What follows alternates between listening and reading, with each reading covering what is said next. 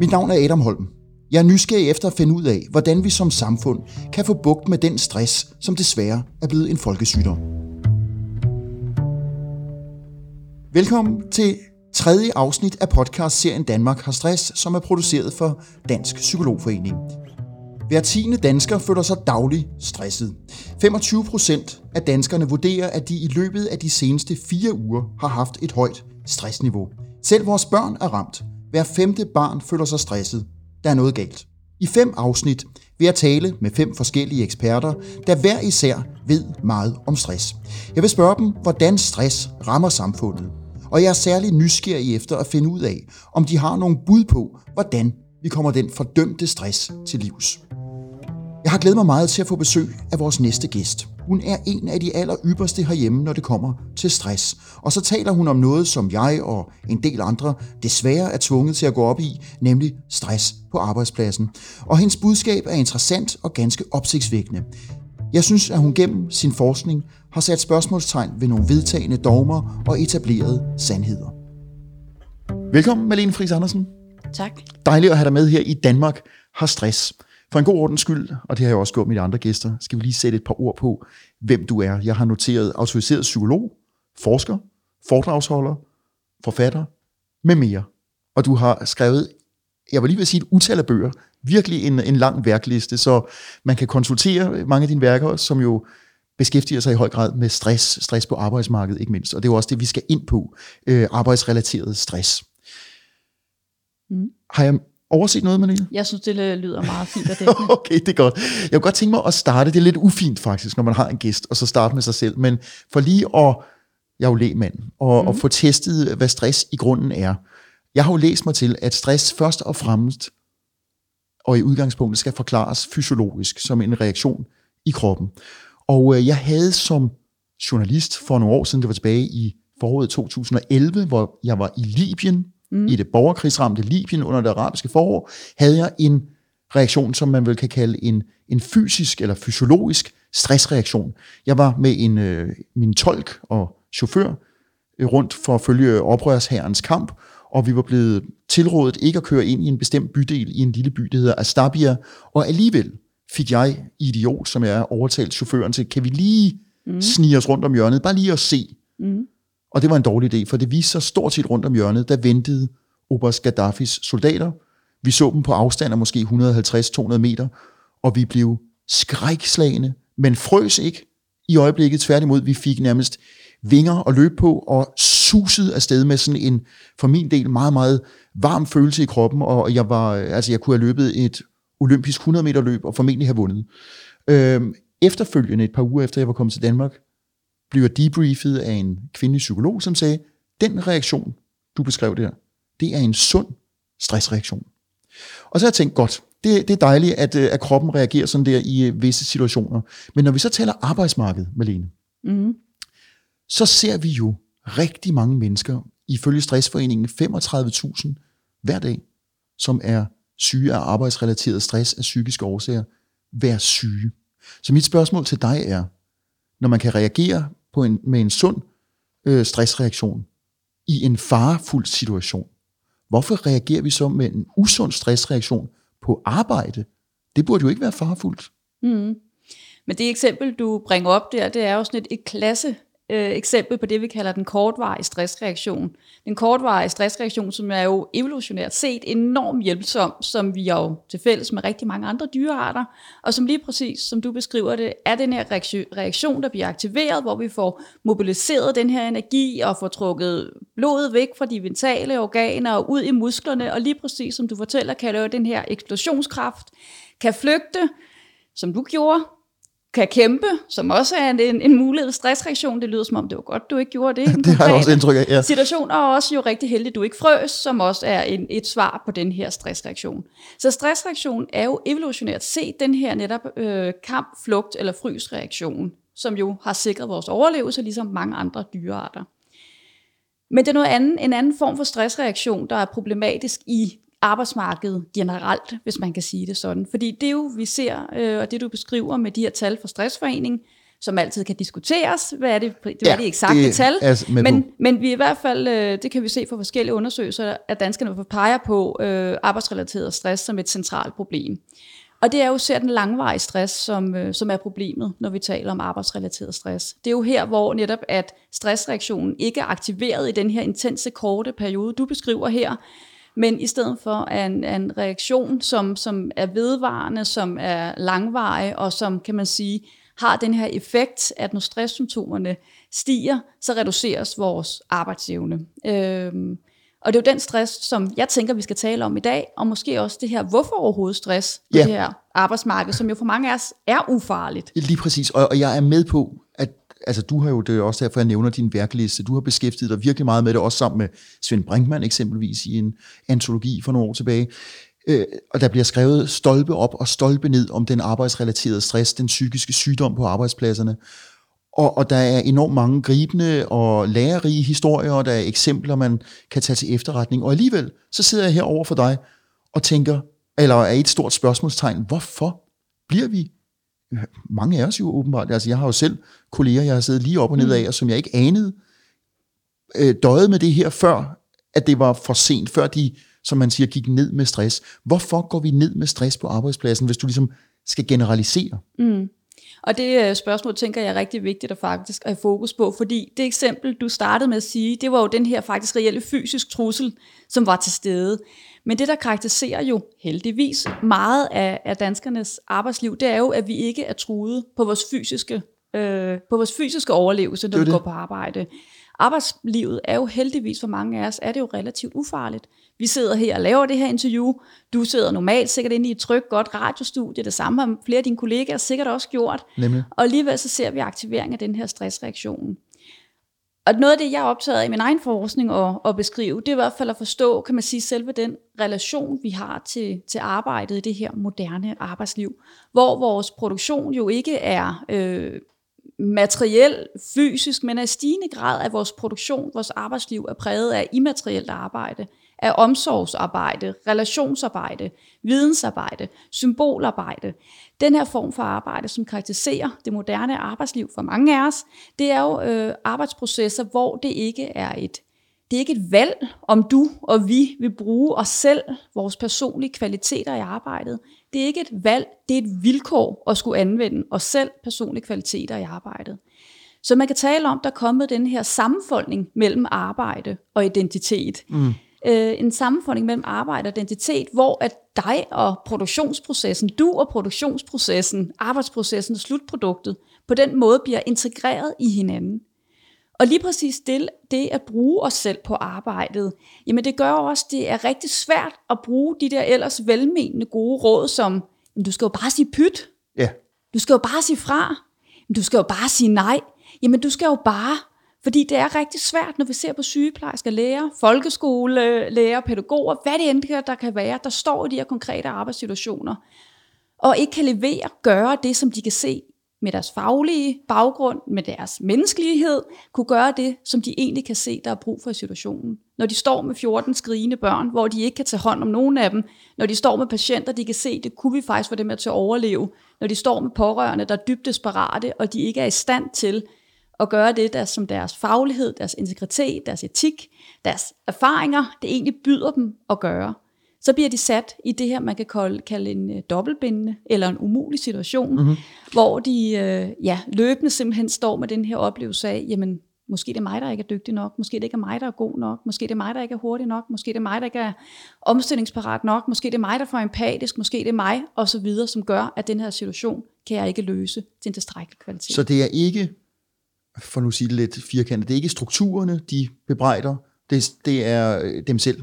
Præcist, og det, det er lige præcis en, en meget central mekanisme i, i, i stress, når vi taler arbejdsrelateret stress, at forklaringsmodellen bliver lige præcis selvhenførende. Øhm, og der er arbejdsrelateret stress så, så skide tricky, hvis man kan sige det sådan, at når stress sætter ind, så sætter arbejdsevnen ud. Det ved vi fra forskellige undersøgelser, når stressniveauet går op, jamen så får vi simpelthen en reduktion af arbejdsevnen, fordi vi får vanskeligere ved at huske, vanskeligere ved at koncentrere os, vi får vanskeligt ved at prioritere arbejdsopgaver, vanskeligt ved at tidsstyre og vanskeligt ved at samarbejde.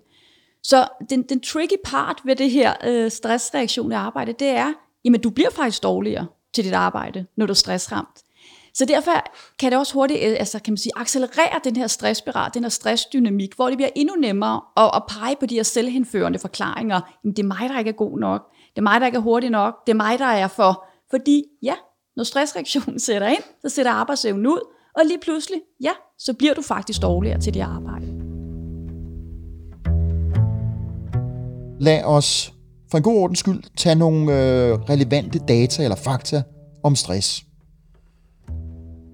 Hvis vi kigger på Stressforeningens tal, så er der 430.000 danskere, det vil sige et sted mellem 10 og 12 procent, der oplever alvorlige symptomer på alvorlig stress hver dag. Stress betyder cirka 3 millioner sygedage for ansatte årligt i Danmark. Og det sygefravær, som er grundet arbejdsbetinget stress, anslås at koste det danske samfund astronomiske 27 milliarder kroner årligt. Du nævner, øh, Malene, at ægtefæller og kolleger for eksempel mm. typisk har observeret nogle forandringer i adfærd og måske også øh, øh, fysik tidligere end, end den person, som øh, så går ned med stress. Mm. Og jeg har her i podcasten talt med nogle af dine kolleger om relationernes betydning. Og øh, der tænker jeg på en arbejdsplads, når man som kollega begynder at blive opmærksom på, at Lotte eller Rasmus bliver kortere for hovedet, eller sidder og sender mails klokken 6 om morgenen, eller klokken 2 om natten, eller øh, virker øh, måske lidt anstrengt på en måde.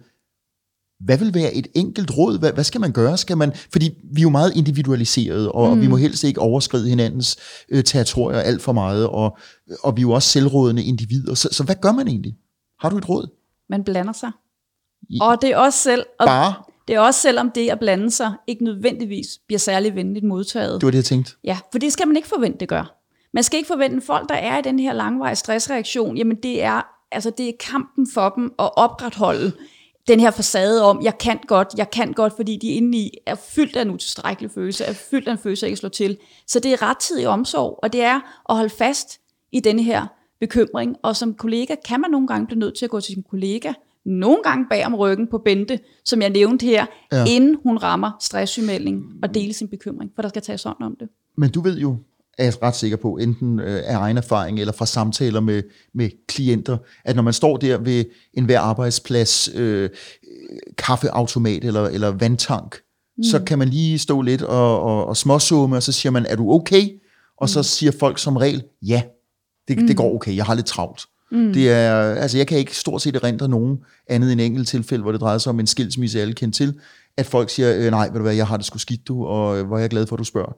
Øh, mm. så, så man får jo den der øh, typisk øh, respons, jamen det, det kører, du skal ikke øh, bekymre dig, jeg er bare lidt travl. Mm. Og så glider man hver til sit, fordi man har sjovt nok også selv lidt travlt. Mm. Så det jeg vil hen til, altså øh, måden du fremlægger det på, Malene, er jo, synes jeg, eksemplarisk, ja, og nu sidder jeg bare her på et ordentligt køb, undskyld, øh, men er jo eksemplarisk enkel, men i ja. virkelighedens verden, når man står der, og ikke nødvendigvis har det psykologiske sprog, og heller ikke helt ved, ja. hvor... Og, og der vil jeg rigtig fra, jeg synes faktisk, det er rigtig vigtigt lige præcis, det her ikke skal holdes i et psykologisk sprog på en arbejdsplads, det her skal holdes i et arbejdsrelateret sprog ja, okay. i en arbejdssammenhæng. Så det for, men det er faktisk en, en ting, man kan gøre, det er at komme ind med nogle konkrete observationer, man har haft, fordi det er vanskeligt at afvise.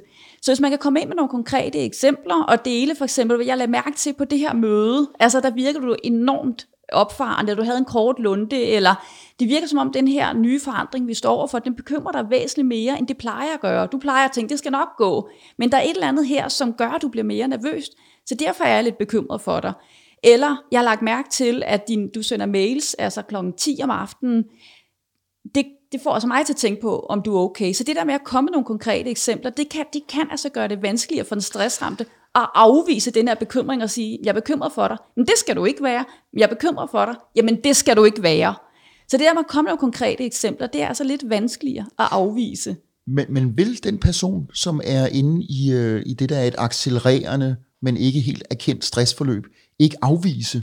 Øh, det kan godt være, at vedkommende vil have så meget, øh, hvad skal vi sige, øh, god opdragelse og facade, så de øh, måske vil takke øh, enten direkte eller i tanken øh, for omsorgen, mm. men de vil jo ikke fortsætte, fordi mm. man er i det her overlevelsesforløb, hvor man bare kæmper Ja. fra øh, Ja. deadline til deadline til deadline, og, og tænker, "Jamen, jeg skal, jeg skal bare lige nå det her. Ja. Jo, det er, den dynamik, du beskriver, den er meget klassisk, og, så, og det er også derfor noget af den anden forskning, jeg laver, det er jo også meget at, at fokusere på lederens rolle. Øh, fordi som kollega har du ikke mandat til at sige, ved du hvad, nu gør jeg noget ved det her. Du kan gå, vælge at gå til lederen og, og dele din bekymring, men lederen har sådan set også kvæg lovgivning ansvar for, at arbejdet ikke er sundhedsskadeligt. Så som, som leder, og det er så også noget, det vi ved fra forskningen, så har du en rigtig vigtig rolle i at være den, der i den her situation, hvor stressen er eskaleret hos Bente, for at tage fat i hende, at, øh, at du faktisk har du også både mandat, men også ansvar til at se fat i Bente og sige, prøv at høre Bente, nu er det mig, der tager en ledelsesmæssig beslutning om, at den her bekymring kan jeg ikke sidde overhøre. Og derfor træffer jeg den her ledelsesmæssige beslutning om, at nu tager jeg dig af det her projekt, velvidende du er dybt kompetent, velvidende du er dybt kvalificeret, men jeg kan bare ikke have, at du ramler på min vagt. Det Så- lyder jo som, undskyld, men det lyder jo som en drøm af en leder. Ja. Sådan som øh, lederen eksemplarisk set burde være.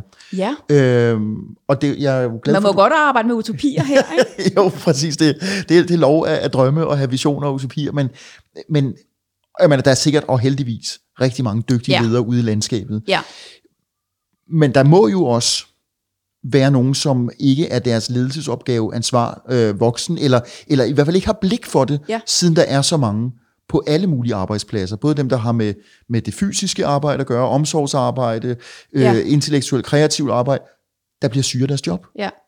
Og jeg tænker, kan man sige, hvis nu skal zoome ind på lederen, hvilket jeg synes er rigtig vigtigt at gøre, fordi lederen er en nøgleperson, både i forhold til at forebygge stress, og også i forhold til at håndtere stress hos medarbejderne. Lederen er ikke magiker, lederen er ikke mirakelmager, lederen kan ikke løse den her problematik alene, men, men lederen er og bliver en nøglefigur. Der er sket en udvikling i lederens forståelse af deres rolle i det her. Øh, jeg skrev min første bog sammen med en kollega, Marie Kingston, tilbage i 2007, tror jeg, om stress. Øh, og dengang var det seriøst breaking news, at lederen havde en rolle i medarbejderens stressproblematik. Altså interessant nok, det er kun 13 år siden, og det var nærmest på breaking news, altså linjen. Jamen, Ej, der er kan, nogen, der jeg, siger- Jeg kan bekræfte det, du siger, fordi jeg har lavet lidt research på dig, og det er rigtigt. Ja. Det virker som om, I har øh, opdaget de vise sten. Præcis, altså, og det var sådan, og det havde vi vidderligt ikke. Vi sagde bare det, som jeg tror var klar til at blive sagt på det tidspunkt, men dengang var det sådan provokerende at pege på lederen som en nøglefigur. Nu her, 13 år efter, jamen så har langt størstedelen af lederne, de svarer jo, når de bliver spurgt, så svarer 98 procent af de danske ledere, ja, det her er en ledelsesopgave. Så mange ledere ser jo det her som en ledelsesopgave, men der er mange ledere, der ikke har den tilstrækkelige viden, de tilstrækkelige redskaber, eller, og det synes jeg klart er noget, der er underdrøftet, at lederne heller ikke nødvendigvis har de fornødne rammer til at løfte den her opgave. Og de fornødne rammer, det er jo så organisationen eller Ja. virksomheden. Ja, det er, fordi selvfølgelig skal lederen have viden om, ja, hvad er stressspiralen, hvad er dynamikken i stress, hvad er det, der, hvad er det, der sker, øh, have redskaber til at håndtere det, være god til at tage en til en samtale, kunne prioritere for medarbejderne. Alt det her, det skal være på plads hos lederen. Det kan de uddanne sig til. Det er fint, men det er ikke tilstrækkeligt, fordi man bliver også nødt til at se på, hvad er lederens rammer. Og med rammer, der er jo, det er jo for eksempel noget som, jamen det er jo noget så lavpraktisk som ledelsespænd. Altså, hvor mange ledere er man, hvor mange medarbejdere er man leder for? Jamen, det er jo ikke sjældent det offentlige, at jeg møder ledere, der kan være, have 40, 50, nogle gange 60 medarbejdere i referencerammen. Altså være personaleleder for, for 40-60 medarbejdere. Så er det guddøde med svært at lave god basal personalledelse. FTF har lavet en undersøgelse tilbage i 2018, hvor de finder, at, øh, at hvis, hvis lederen har mere end 25 medarbejdere i reference, jamen så kan de simpelthen se, at lederen har et øget stressniveau selv, og de kan se, at lederen i, i stigende grad selv oplever, at der er en ubalance mellem krav og ressourcer. Og, og jeg, jeg, altså jeg må sige, jeg sparker lige et konkret eksempel ind, uden at navngive det. Jeg har en god ven, som har en kontorchefstilling i Københavns Kommune, og er chef for 32 Ja. ja. medarbejdere, og efter eget udsagn, og jeg tror ikke, han har kendskab lige til den forskning, du lige omtalte, der synes han, at det er cirka 12 for meget. Ja. Han synes 20 vil være ideelt, fordi der er grænser for, hvor mange mennesker man kan komme omkring, og han, han er, om man så må sige, menneskekær. Altså han, han interesserer sig for relationer og, og menneskers velbefindende, men øh, man kan ikke nå 32. Nej, nej, og det er svært at have, det, det kan, altså det, det er svært at sætte præcist antal på, hvad det rigtige, når man ser igen sådan en kedelig forskerhat på, men der er ingen tvivl om, at det her ledelsespænd har betydning for, om lederen kan løfte den her opgave. Så er der jo også sådan det, der fylder i ledelsens hverdag. Jamen, der er jo også utrolig mange ledere, der jo jamen altså, hvor tiden går med dokumentation, der går med at sidde foran computeren, der går ved at deltage i møder, som går med aktiviteter, der ligger væk for de medarbejdere, man egentlig skulle gøre god basal personalledelse for. Så det er altså, det er altså noget af det, jeg håber, der kommer stigende fokus på, det er lederens rammer til at gøre god basal personalledelse, som vi ved forebygger stress, som vi ved er vigtigt for, og også at lederen kan håndtere det, at der er en tillidsfuld relation leder, leder og medarbejdere imellem, så medarbejderen tør gå til deres leder noget, der slår mig, og nu bliver det en lille smule anekdotisk, men, men det er, når jeg både kigger indad på mig selv, og egentlig erindrer nogle samtaler, jeg har med kolleger. Og igen, det er underforstået, at det er jo så i medieverdenen. Der er godt nok langt mellem de folk, som taler om arbejdsglæde. Mm. Der kan være tryk på, og alle journalister, som beskæftiger sig lidt med politik, synes jo, at valgsituationer er bare øh, altså blod på tanden, så, så sker der noget, og, og, og så går man måske i, den gode, i det gode stress mode. Mm. Du kan sådan adrenalin-junkie. Ja, lige præcis. Øh, altså, det er derfor, journalister jubler, når der er terrorangreb, hvor pervers det lyder, fordi så, øh, så er der noget at skrive om og rapportere om, ikke? fordi wow, noget exceptionelt. Øh, men, men arbejdsglæden, altså det der med at føle det, for også at sige det lidt øh, gammeldags, meningsfuldt at gå på arbejde, og, og måske lige frem føler, at der er en forbindelse mellem det, man erindrer sig, der var årsagen til, at man valgte at studere et eller andet, øh, og gå efter det, fordi man havde en form for kald. Mm. Øh, altså det synes jo at være hos mange af os stoppet i en kasse og lagt på loftet, og vi er i stedet for effektive, mm. vi er intensivt arbejdende, vi er producerende, vi er måske næsten maskinelle mm. På nogle punkter. Mm. Og se, hvor godt det går med det, ikke? Ja, det ja. er det vi kigger ud af vinduet her, hvor vi sidder, øh, og, og der er gang i byggeriet, og, og det er et velstandsland og et vækstland, og, mm. og alt er jo egentlig mm. ret godt. Og, og, og, det, og det tænker jeg også, at, og det er ret godt. Og der er mange ting, der er ret gode, men der er det igen måske den der forskydning, at det er en til næsten blevet lidt gammeldags, og bare gerne vil udføre sit arbejde godt. Øh, og det der faktisk er ret interessant, jeg er ude og undervise rigtig mange ledere og medarbejdere, og det er virkelig noget, jeg kunne invitere eller håbe, at, at ledere stiller det her spørgsmål til deres medarbejdere, og simpelthen bare stiller dem det enkle spørgsmål. Hvornår har I haft en god dag på arbejde? Hvad er en god dag på arbejde for jer? Prøv at beskrive den. For det man lige præcis får fat i ved det her ja, meget enkle spørgsmål, det er lige præcis, at folk sådan får mulighed for lige at, at dvæle lidt ved, at det er jo, når jeg har mulighed for at løse mine arbejdsopgaver. Jamen det er, når jeg gør en forskel Jamen, det er, når jeg får tid til at, at gøre det, jeg egentlig havde sat mig for at gøre. Det er, når jeg får, får flyttet nogle bunker. Det er, når jeg får hjulpet nogle mennesker. Altså i bund og grund, så vil folk skide gerne bare have lov til at opleve noget mening i deres arbejde, og opleve, at de gør en forskel for noget, de føler er vigtigt. Og, og nogle gange så behøver vi ikke at have så voldsomt mange af de her fancy netop ord, eller målstyringsregimer, eller standardiseringsregimer, eller øh, alle de her ord, som vi lirede af før. Nogle gange er det igen der med at komme ind til kernen og give folk lov til at genopdage, jeg vil faktisk gerne have lov til at løse mine arbejdsopgaver på måder, der gør en forskel. Jeg vil faktisk gerne være et ordentligt menneske over for mine kollegaer. Jeg vil faktisk gerne være i stand til at, at kunne opdage og mærke den kreativitet, øh, som en formulerede sted, hvor jeg var ude, hvor hun sagde, jamen før, før der havde vi faktisk sådan en forandringstrang, altså trang til at forandre øh, fordi vi havde lyst til at lave vores arbejde bedre på andre måder og udvikle det. Nu oplever vi forandringstvang. Ja.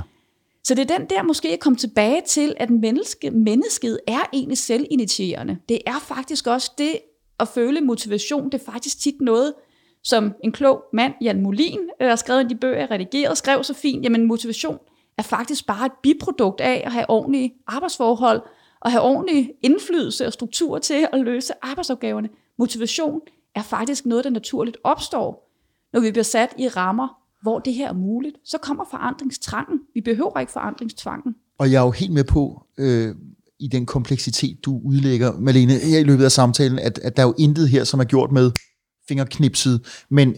Jeg troede, vi var ordnet det nu. men okay. og, ja. og, og dog. Men, men et, et, øh, et vigtigt eller centralt ord, det er jo altså det med indflydelse, med indflydelse. Mm. At føle, at, at man ikke... Øh, og i, virkelig kan man sige, det er jo også meget øh, elementært. Det er de færreste, der har lyst til at føle sig som brækker. Man vil gerne selv have nogle brækker at flytte med, mm. om man så må sige. Øh, hvis vi øh, sådan stille og roligt afrundingsvis skal prøve at opsummere lidt. Du har været inde på det, men hvis vi lige går ligesom de funktioner, der er på arbejdspladsen igennem, altså der er medarbejderen, der mm. er, eller øh, jo, der er medarbejderen, der er kollegaen, der er mm. chefen, der er organisationen. Hvis vi tager mm. de fire, øh, hvad skal vi sige, aspekter af et arbejdsliv. Altså, hvad, hvad, den medarbejder, og vi taler jo om, når, når stressen begynder at sætte ind, hvad vil du sige, og nu er vi i rådgivningsmode, hvad skal medarbejderen gøre? Han, jamen, hun, som føler sig stresset. Jamen, man kan sige, bed om hjælp, før du får brug for det. Altså, kan man sige, tag tingene, når man kan mærke, nu, nu, nu er det her ved at skride, nu kan jeg mærke, balancen er ved at falde. Jamen, det, jeg kan også se, at du ser lidt ja, undrende, du ser skeptisk ud, men jo før du bliver, beder om hjælp, jo nemmere er det. Altså, jo mere det her accelererer, jo vanskeligere er det. Men der er bare ikke nogen, er det nemt at bede om hjælp? Nej. Er det nemt at gå til sin leder? Nej. Er det nemt at sige det højt til sine kollegaer? Nej. Men, men alternativet er værre. Ja, og, og det finder man måske ulykkeligvis ud af. Men går man ikke og skammer sig lidt? Og tænker, uff, det er jo mig. Du sagde det selv jo, for en lille halv time siden, det, det er jo mig, der ja. er noget galt, men det er jo ikke, det er jo ikke strukturen. Nej. Så man skammer sig vel en lille smule? Det gør man. Eller meget måske? Ja, og, man, og det er derfor, og det er jo lige præcis, når vi med skam at gøre, så, er, så ved vi for psykologien, at så er normalisering og genkendelsen er enormt vigtigt. Og det er jo lige præcis det, vi kan søge i relationerne og i hinanden, hos hinanden. Jamen det er genkendelsen, det er spejlingen, det er det med at få sagt det højt. Det er jo ikke meget anderledes med rumleskaft efter eventyret. Hvornår er det rumleskaft mister magten over prinsessen? Jamen det er jo, når hun kan sige hans navn højt. Når hun påkalder sig rumleskafts navn og siger det højt. Øh, så det er der, han mister magten over hende. Så det, det er sådan en grundviden, kan man sige. Er det nemt? Nej. Skal hun kæmpe for det? Ja når hun siger det højt, så mister det lidt af magten over hende.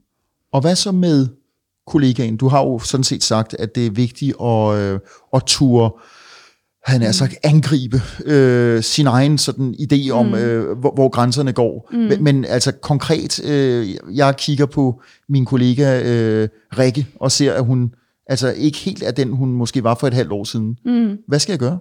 Jamen sige, der er både også noget, nu ved jeg godt, jeg ikke helt svarer på det, men en lille bitte omvej, der er også noget forebyggende kollegialt fællesskab, man kan lave her. Fordi det er faktisk også rigtig vigtigt i en kollegagruppe, et team, at man på en eller anden måde også sammen bliver enige om, her vil vi ikke være i kronisk konkurrence med hinanden. For sådan er det jo også mange steder, hvor vi belønner, og der er bonus, og hvem klarer sig bedst og måltal, og hvor mange klik får dine artikler, og hvor mange klik får de andres øh, artikler. Ikke? Altså, vi, som den måde igen, vi bedriver ledelse på i dag, så havner vi også i situationer, hvor kollegaer bliver konkollegaer, den her kroniske konkurrence sætter ind, jamen så bliver det da gud fanden yderligere vanskeligt at gå til sine kollegaer og sige, hey, jeg trives sgu ikke. Hvis man på en eller anden måde har en skjult frygt omkring, at den kollegaen vil sidde og godt så lidt i hånden og sige, ja, men så er der en ekstra med i spillet om bonusen. Mm. Så det er også noget med i tide, og, og ligesom insistere på arbejdspladser i arbejdsfællesskaberne på, her vil vi være kollegaer, der udviser hjælpeadfærd, der udviser sparring og støtte og rettidig omsorg. Her vil vi ikke være i kronisk konkurrence og belønnes individuelt, hvis vi havner med kollegaer.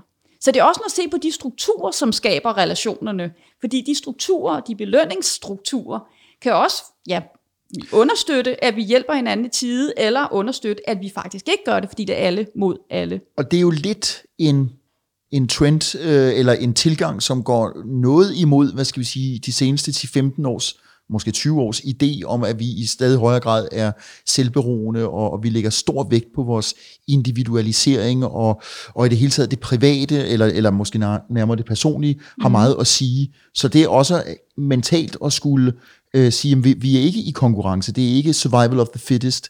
Øh, vi det er survival er, of the nicest. Ja. Ja. Okay, det lyder sgu godt, der vil jeg gerne være. Men man kan ja. sige, det eksempel, du trak frem, helt da vi startede udsendelsen med, med din tolk og dig, der, der stod en konkrete situation, jamen helt basic, så vil jeres sandsynlighed for overlevelse, jamen den var jo nok større af, at I på en måde samkoordinerede jeres handlinger. Øh, og det er jo et eksempel på, at vi mennesker, jamen som art, har jo overlevet, fordi vi kunne samarbejde. Der er ingen af os mennesker, der egentlig kan man sige, er givet til at stå alene ude på sletten. Vi mennesker har overlevet, fordi vi evner at samarbejde i et fællesskab. Og det bringer os over til lederens, øh, lederens rolle, fordi det vil sige, at lederen skal blandt meget andet, som sådan leder skal tage sig til, være med til at understrege, at man som kolleger skal, for nu sige det lidt øh, med en sportsmetafor, man skal spille hinanden bedre. Ja, man skal gå fra et jeg til et vi. Men det kræver jo igen også, at, øh, at lederne kan jo heller ikke, gør jo heller ikke det her i, i et vakuum. Det, lederne gør jo også det her i en kontekst. Og derfor er det også et organisatorisk ansvar, jamen altså, skal du sige, at få fremme og fremme den ledelse, så lige præcis skaber de her dynamikker. Og at man også har fokus på lederens rammer, som jeg nævnte før, og også fokus på lederens egen stress og trivsel. For vi ved også fra forskning, der er en sammenhæng mellem lederens stress og trivselsniveau og medarbejderens stress og trivselsniveau. Så når jeg er ude og undervise tillidsvalgte, så kan jeg nogle gange godt være lidt, ja, lidt provokerende over for de her tillidsvalgte og sige, at hvis, at hvis I virkelig vil gøre noget godt for medarbejderne derhjemme, så skal I sørge for, at jeres ledere har det godt. Fordi lederne skal også have altså, tilstrækkelig balance for at kunne gøre de her ting, vi taler om. Så skal de være i trivsel og have overskud til at prioritere og handle. Og så ender vi selvfølgelig hos organisationen. Det gør vi. Hvis vi nu er i hvert fald en, en større Præcis. virksomhed. Øhm, og, og igen, du, du har strejfet det før, men øh, hvis vi lige skal have nogle ord til at sømme op på væggen. Øh, hvad skal en velfungerende arbejdsplads, en organisation, gøre for, at det ligesom går fra, fra øverste øh, plan, altså direktions- eller bestyrelseslokalet, mm. og hele vejen ned til, øh, til arbejdsgulvet? Mm. Og det er rigtig vigtigt at have det der fokus på, ja, det som, som du beskriver her, det man også i litteraturen kalder trickle-down-effekter. Altså det her med, at toplederen og de øverste chefer er rigtig vigtige for den kultur, som, altså de bliver også symboler på den kultur, der er mulig i en organisation. Så det er vigtigt, at topledelsen bakker op. Det er vigtigt, at de går foran. Og så er det også vigtigt, tænker jeg, at dem, der nu jamen altså køber ind på de nye ledelsesbuzzword, på de nye ledelsestendenser, de nye ledelsesrationaler, at man laver en syretest prøve på det. Altså lidt ligesom vi, når man indkøber et nyt medicament, en vaccine, et, et præparat nede på apoteket, man køber og får et pilleglas i hånden, man tager indlægssedlen ud, i det her pilleglas, jamen så er der så fint skrevet, jamen hvad er virkningerne af de her piller, du nu har købt? Jamen du kan forvente de her tre ting. Men det, der fylder endnu mere i den her indlægsseddel, det er jo bivirkningerne. Jamen hvad risikerer du, der kan ske, når du indtager det her præparat? Og det samme vil jeg egentlig ønske, at man gjorde så en organisation gjorde sig den umage, en HR-afdeling, eller hvor det nu end er, at man implementerer nye ledelsesrationaler, nye ledelsesord, at man har samme syretest. Hvilke nogle virkninger kan vi forvente? Hvad kan vi håbe, der sker? Men hvilke nogle bivirkninger kan vi risikere, at der sker, hvis vi introducerer den her måde at lede medarbejdere på? Så virkninger og bivirkninger, vær nu lidt kritiske derude. Okay, og det øh, håber jeg, at der er nogen, der tager til efterretning. Helt på faldrebet, og det er ikke fordi, at, øh, at det skal være sådan et bekendelsesmøde, men jeg kan ikke lade være at tænke på, at jeg har mødt et par psykologer gennem årene, som jeg har talt med. En af dem er jeg faktisk i familie med, som øh, også har døjet lidt med, med stress. Det er til synligheden allemands eje, kan man sige. Øh, så jeg kan ikke lade være at spørge dig, hvad gør du egentlig selv? Du har jo, som jeg sagde indledningsvis, virkelig mange kasketter på. Du holder foredrag, du skriver bøger, artikler, du forsker. Du har også virket som øh, erhvervspsykolog, øh, og har, øh, tænker jeg, øh, også et, et privatliv. Så altså, hvordan får du alle de her mange bolde til at, at blive i luften? Jeg, i hvert fald, kan man sige, jeg kan i hvert fald være ret sikker på, at jeg aldrig nogensinde bliver månedens medarbejder på de arbejdspladser, jeg har været. Fordi det er jeg ikke. Altså, jeg, jeg, øh, jeg kan godt komme til at sige ting, som ledelsen ikke nødvendigvis altid er glad for. Fordi for mig tror jeg, det er enormt vigtigt at, at arbejde for at understøtte, at jeg har en tilstrækkelig indflydelse til at kunne gøre det, som jeg vurderer er meningsfuldt. Fordi de tidspunkter på mit arbejde, i mit arbejdsliv, hvor jeg har haft det sværest, og hvor jeg har haft stress inde på livet, Jamen det var et tidspunkt i mit arbejdsliv, hvor jeg følte, at jeg skulle gøre ting, jeg ikke kunne stå indenfor. Hvor jeg simpelthen skulle levere noget, sige noget, som jeg faktisk ikke følte gav mening, eller jeg ikke følte hjælp de mennesker, som jeg egentlig føler, jeg er sat til at hjælpe. Det er klart de situationer, hvor jeg har oplevet stressreaktionen tættest på mig, og vi satte i situationer, hvor jeg ikke kunne gøre det, som jeg følte, der var brug for. Så det er i hvert fald den medalje, jeg aldrig nogensinde får. Det er månedens medarbejder, fordi jeg kan ikke gøre ting som jeg ikke kan stå inden for. Og det kan godt risikere, at en dag koster man en fyreseddel, og så må det være sådan. Men til gengæld, og det var du inde på tidligere, så har du holdt uh, indinationens flamme i gang. Ja. Lyder det til, og det er måske værd at notere sig. Malene Friis Andersen, tusind tak, fordi du vil være med i Danmark og Stress. Selv tak. Tak, fordi du lyttede med til tredje afsnit af Danmark har stress. Jeg hedder Adam Holm. Det her afsnit er en del af en serie, som Dansk Psykologforening står bag. I næste og fjerde afsnit får vi besøg af Dorte Togdal Viftrup, som både er forsker og praktiserende psykolog. Det vil sige, hun kender stress fra begge sider af hegnet. Hun beskæftiger sig med, hvordan og hvorfor vores vækstsamfund giver os stress. Spørgsmålet er selvfølgelig, om det konkurrenceprægede samfund også er en del af løsningen. Jeg håber også, at du vil lytte med til fjerde afsnit på Genhør.